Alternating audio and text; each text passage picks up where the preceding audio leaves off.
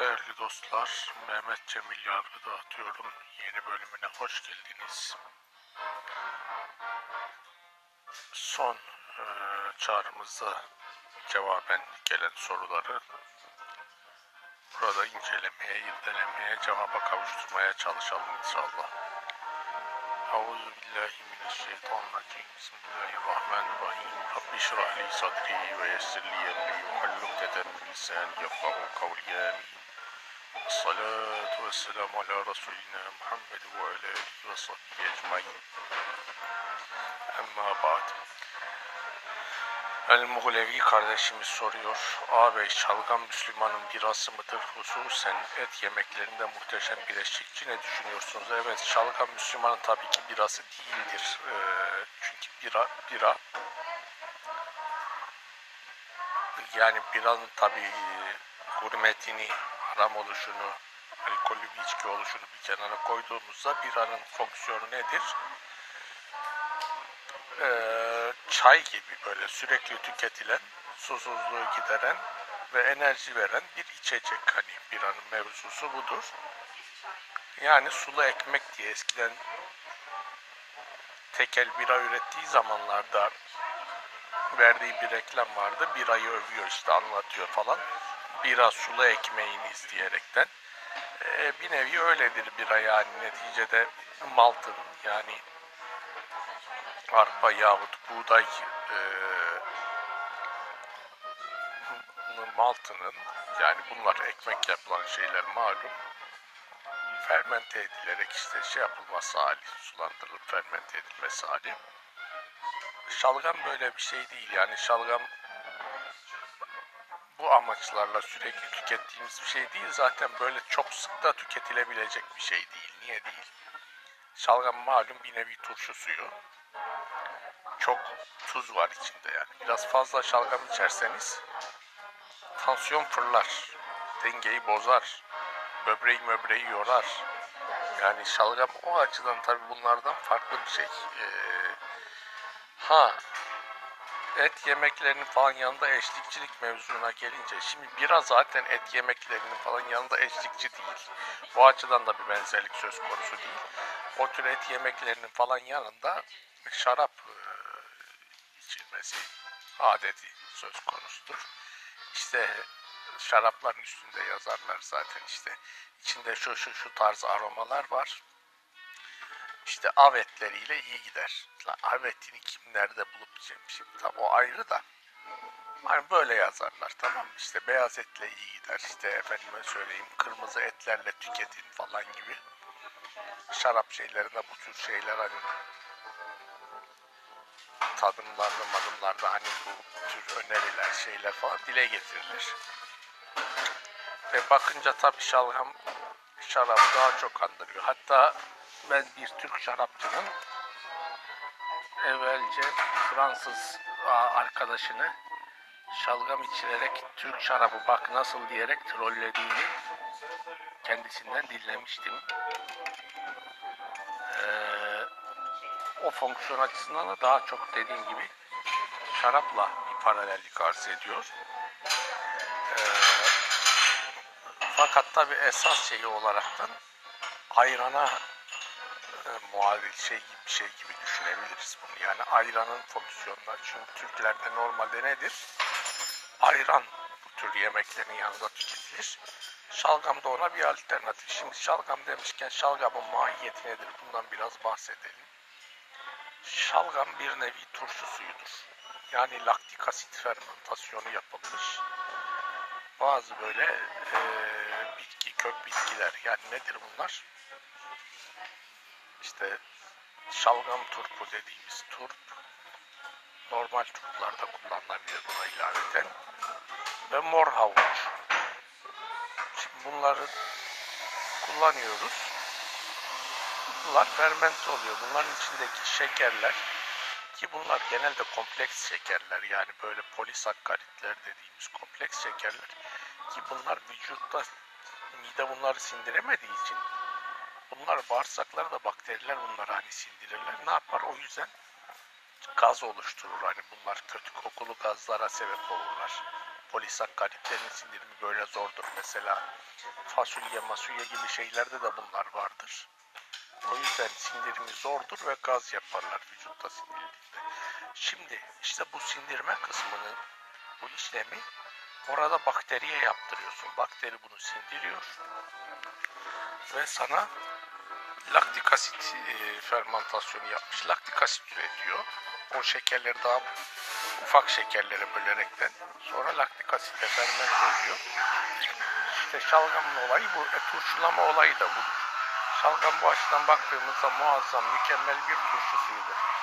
Lakin şimdi bu piyasa şalgamları ile e, normal fermente ettiğiniz fermentasyonla elde edilen şalgam arasında biraz fark var. Şimdi piyasa şalgamlarını e, tabi belli böyle yan etkileri azaltmak üzere kurgulamışlar.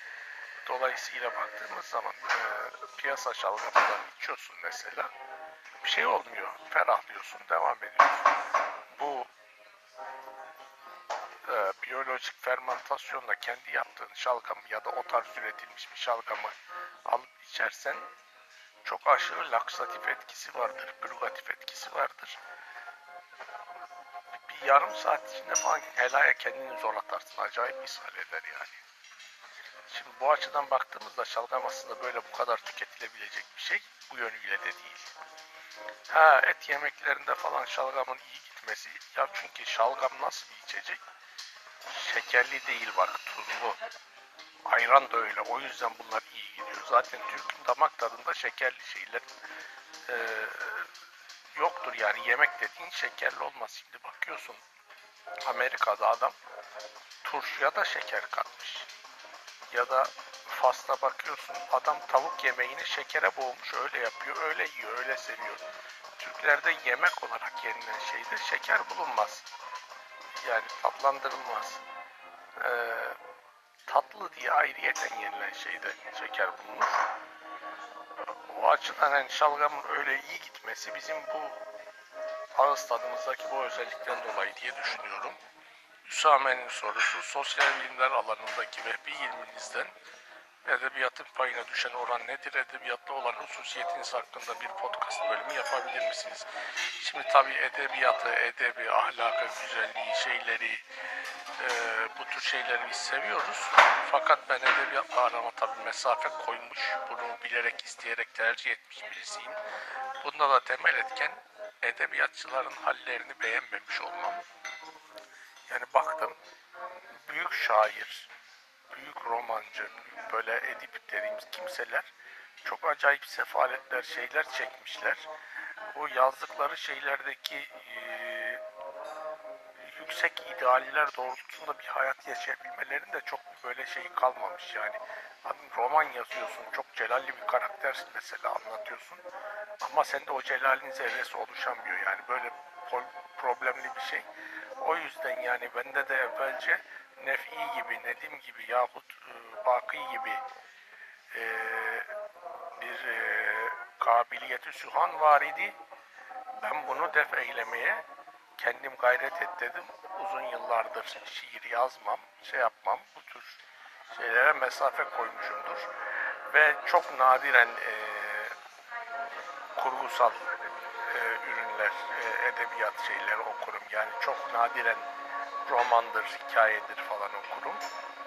E, genel olarak benim okuduğum şeyler non-fiction denilen e, işte ya biyografi türüdür, edebi tür olarak hani şey yapabileceğimiz şeyler ya da ilim, araştırma şey kitaplardır, teknik şeylerdir, bu tür şeylerdir.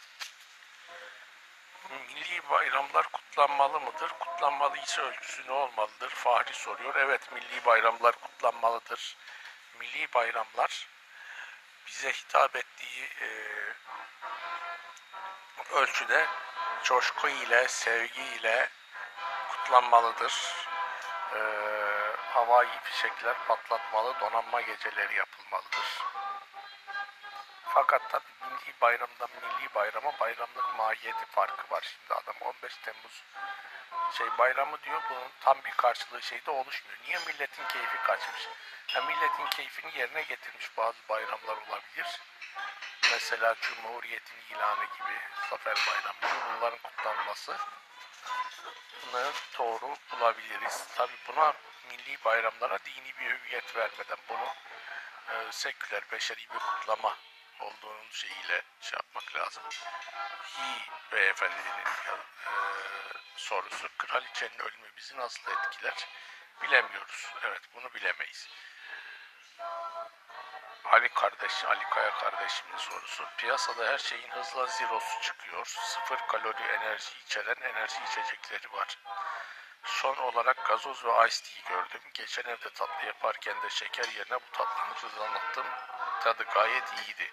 Sağlık açısından bir tarafımıza vurma ihtimali var mıdır abi? Evet vardır. Ee, bu her şeyin zirosunun çıkarılmasında ciddi bir problem söz konusu. Ha bu problem aslında bu tarz içeceklerin çıkarılmasında da büyük bir problem değil. Yani bu e, içinde rafine ürünlerin kullanıldığı içecekler. Yani şimdi mesela kola, koladır, gazozdur ya da bu tür hazır içeceklerin hepsine baktığımız zaman ne var? Bunların içinde kimyasalların, şimdi her şey neticede kimyasal tabii bunu ben iyi biliyorum da arındırılmış kimyasalların kullanılarak bir terkibe varıldığını görüyoruz. Yani mesela ne yapıyor? Sitrik asiti, işte ortofosforik asiti, bol miktarda glukozu e, ve suyu karıştırarak karbondioksitle basıp bunda da işte o gaz hani basılan şey o hem bir asitlik veren hem bir şey yapan e, köpürme şeyini veren basılarak bir şey elde ediliyor. Şimdi bakıyorsun bunların hepsi rafine edilmiş, ayrıştırılmış kimyasallar.